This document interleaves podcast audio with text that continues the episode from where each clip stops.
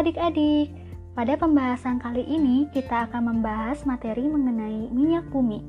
Adik-adik tahu tidak apa itu minyak bumi? Nah, minyak bumi merupakan sumber energi yang memegang peranan penting dalam kehidupan sehari-hari. Manusia dapat melakukan berbagai aktivitas dan rutinitas karena dukungan dari minyak bumi. Minyak bumi merupakan sumber energi yang tidak dapat diperbaharui karena proses pembentukan minyak bumi membutuhkan waktu yang lama. Bisa mencapai jutaan tahun loh.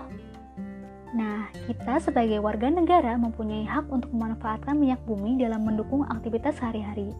Namun, di sisi lain, kita juga mempunyai kewajiban untuk menghemat penggunaan minyak bumi.